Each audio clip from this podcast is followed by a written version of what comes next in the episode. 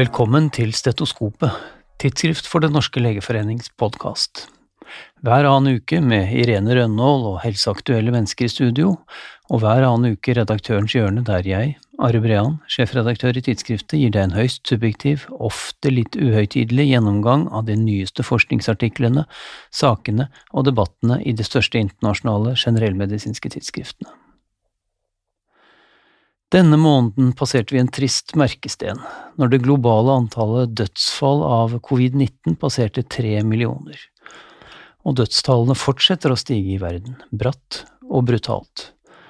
Nå i slutten av april dør det over 10 000 mennesker i verden daglig av covid-19, omtrent en tredjedel av dem bare i to land, Brasil og India. Dette skriver Nature om på lederplass denne uken. Mange liv kunne ha blitt reddet dersom nasjonale ledere hadde tatt tidligere grep om de tre viktigste verktøyene for å håndtere en pandemi, skriver Nature. For det første testing, sporing og isolering av smittede. For det andre begrensning av ansamlinger av mennesker og påbud om sosial distansering. Og for det tredje nedstenging av samfunnet når det er nødvendig. At det var dette som gikk aldeles galt i Brasil, er det vel lite tvil om. Situasjonen med den tragiske andre smittebølge i India derimot har nok flere grunner, selv om mange peker på enorme religiøse og politiske massearrangementer i mars, dels oppmuntret av sentrale politiske ledere, inkludert sågar statsministeren. Fra 4. april i år ble det rapportert 100 000 daglige smittetilfeller i landet, og fra 15. april 200 000 daglige tilfeller en brutal påminnelse om hastigheten i smitteøkningen når den først kommer ut av kontroll. Sykehus, krematorier og hele byer er i ferd med å bryte sammen i enkelte områder av landet, og særlig oksygen har blitt en desperat mangelvare, skriver British Medical Journal, som refererer meldinger fra indiske myndigheter om behov for å importere 50 000 tonn medisinsk oksygen, for å dekke etterspørselen i landet har regjeringen bedt diplomater fra hele verden om hjelp til å finne leverandører som kan levere minst 100 000 oksygenflasker den nærmeste tiden. Og per 20. april hadde 17 av Delis 18 sykehus oksygenreserver for mindre enn ett døgns behov, ifølge byens viseborgermester. Situasjonen er altså desperat. Et lite håp ligger det i at Indias egenutviklede vaksine snart er på vei. Dette skrives også British Medical Journal om denne uken. Vaksinen er utviklet av det statlig finansierte indiske farmasiselskapet Bharat Biotech, som tidligere har levert vaksine mot blant annet rotavirus, hepatitt B og zika-virus. Deres covid-19-vaksine benytter et komplett inaktivert SARS-CoV-2-virus, slik også den kinesiske vaksinen gjør, og er en todosevaksine som er stabil i kjøleskap. Et viktig poeng i seg selv i et land som India med høyst variabel infrastruktur i sitt helsesystem. Fase 1-studien er publisert og rapporterer god antistoffrespons i de 375 forsøkspersonene. Fase 2-studien foreligger bare som et preprint foreløpig og viser en akseptabel sikkerhetsprofil, og en fase 3-studie med nærmere 30 000 deltakere er i gang. Allerede i januar ble vaksinen godkjent som nødvaksine i India og tilbys allerede til innbyggere over 60 år, til helsearbeidere og til alle over 45 år med kroniske sykdommer så får vi bare håpe og krysse fingrene for at både sikkerhetsprofil og ikke minst de lovende effektivitetsdata blir bekreftet i fase tre-studien. Hvorfor sånn hast og slik eh, satsing på egenutviklet vaksine for India, kan man spørre seg. Vel, dødstallene i India taler for seg for tiden, og prisen per vaksinedose for dette enorme, men fortsatt fattige landet er selvsagt en betydelig faktor. Indias egenutviklede har en dosepris på omtrent en tiendedel av Pfizer og Modernas vaksiner. Legger man til de 1,6 millioner gratisdosene som fabrikanten donerer befolkningen nå i starten, er det klart at dette uten sammenligning er den billigste vaksinen så langt i pandemien. Så får vi bare håpe at billig er bra, for uten flere data enn de som foreligger foreløpig, kan ingen vite akkurat det. Men det er ikke bare covid-19 som utgjør et voksende helseproblem i India for tiden, ifølge en artikkel i Nature. Den siste måneden har nye tilfeller av tuberkulose minsket med nesten 70% viser en rapport. Siden tuberkulosesmitte nesten utelukkende skjer i de helt nære relasjoner under samme tak eller for eksempel i fengsler, er det svært lite trolig at nedgangen er reell og skyldes sosial distansering under pandemien. Mer sannsynlig er at mange flere nå går udiagnostiserte og ubehandlede, og derfor smitter enda flere. Dette rimer også bra med nye tall fra eh, Verdens helseorganisasjon, som i mars i år anslo at en million færre i verden nå tuberkulose behandles, og at dette har reversert kampen mot tuberkulose med flere tiår. Opp mot en halv million flere har dødd av tuberkulose i 2020 enn i de foregående årene, estimeres det, enda en trist bieffekt av koronapandemien.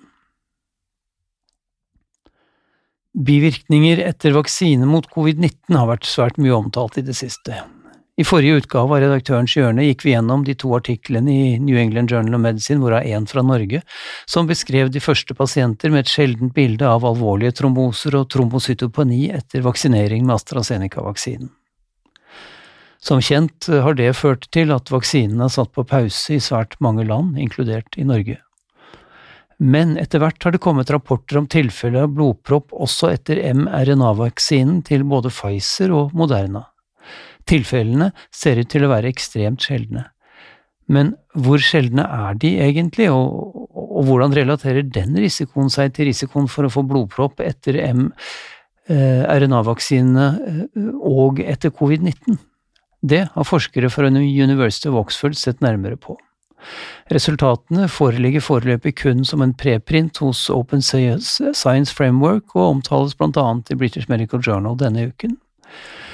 Forskerne sammenlignet insidensen av cerebral eh, venetrombose og portvenetrombose hos over 500 000 pasienter med covid-19-infeksjon fra amerikanske helseregistre, med insidensen hos snaut 400 000 pasienter vaksinert med enten Pfizer eller Moderna-vaksinen, og snaut 400 000 pasienter med influensa.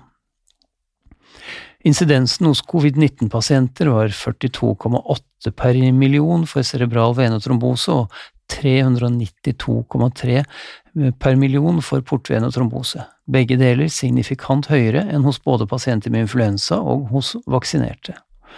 Hos de vaksinerte var incidensen om lag en tiendedel av hva den var hos de som eh, gjennomgikk covid-19 Eh, infeksjon. Det europeiske legemiddelverket har nylig beregnet at risikoen for cerebral venetrombose etter AstraZeneca-vaksinen er om lag fem per million.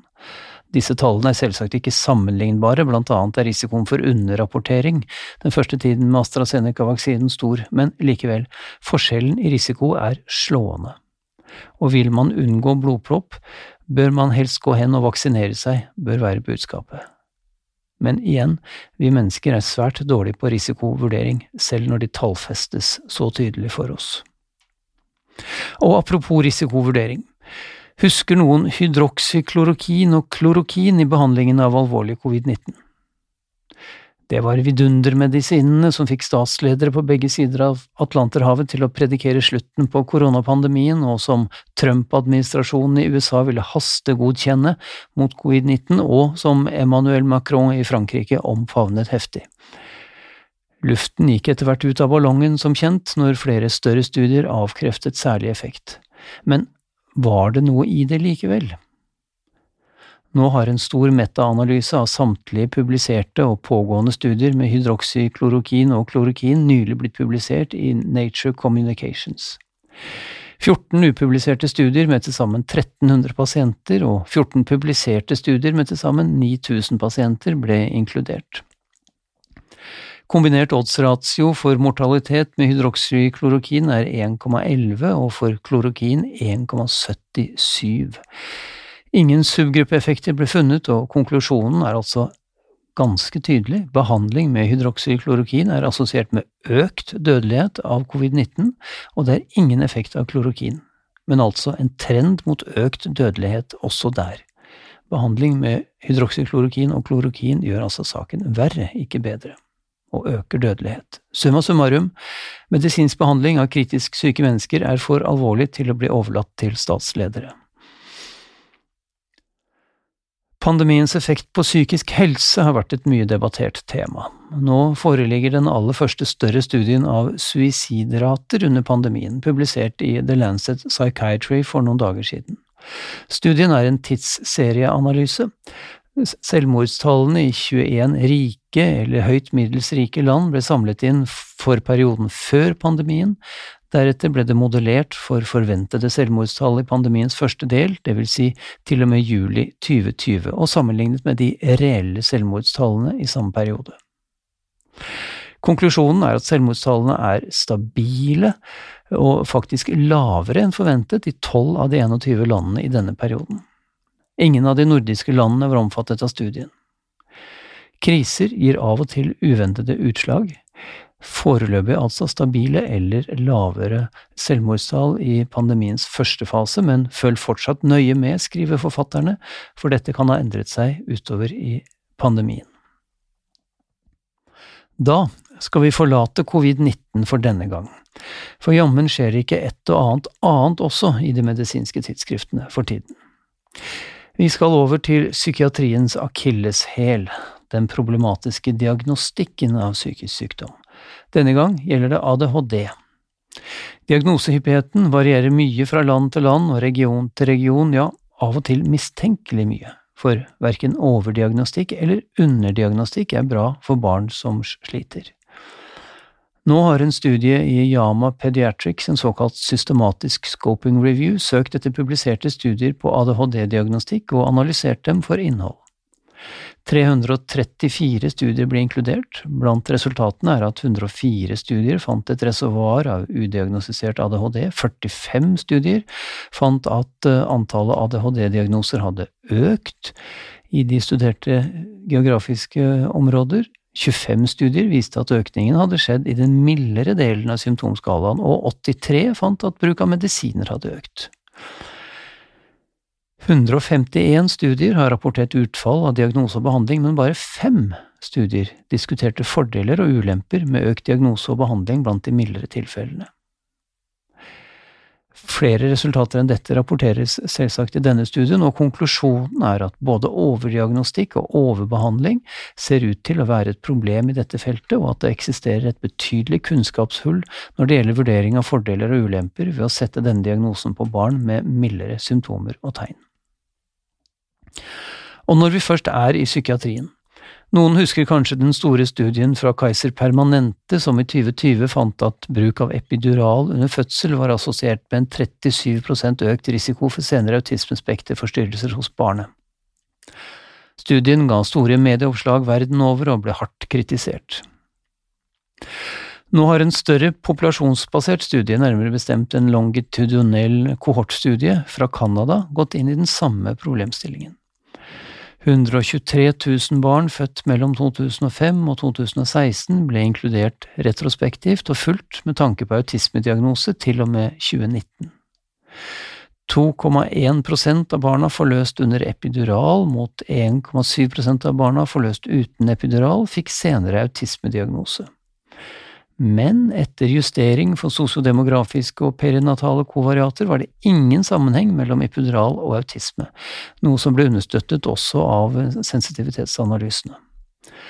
Den tilsynelatende sammenhengen er altså sannsynligvis bare en confounder-effekt, noe som understøtter den manglende biologiske plausibiliteten av dette fenomenet.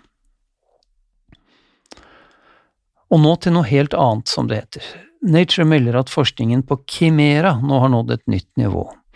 Og hva i all verden er Kimera? Jo, det er hybrider mellom dyr og mennesker, altså vesener som inneholder celler fra menneske og minst en annen art. Forskere i California har lykkes i å implantere humane celler i tidlige stadier av embryoer fra makakkaper, og lot dem vokse sammen i embryoet.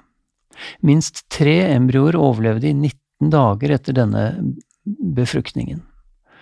Hva i all verden skal så noen med en så morbid forskning, kan man spørre seg? Jo, håpet er at Kimera skal kunne gi bedre modeller for blant annet medikamentutprøving, og ikke minst være en modell for å gro organer til organtransplantasjon. Tidligere har Kimera med henholdsvis menneske og gris, menneske og ku og menneske og rotte vokst, eh, men kanskje ikke trivdes, i laboratoriets vekstmedier, men dette er første gang man har benyttet menneskenære primater i slike forsøk. Menneskenære arter gir større sannsynlighet for å lykkes fordi de utviklingsmessig er likere, men samtidig er utviklingsbiologene delt i reaksjonene på dette. Etikken er strengere for mer menneskenære dyrearter, og her beveger man seg helt klart i, og kanskje også over, en etisk eh, gråsone og en etisk grense.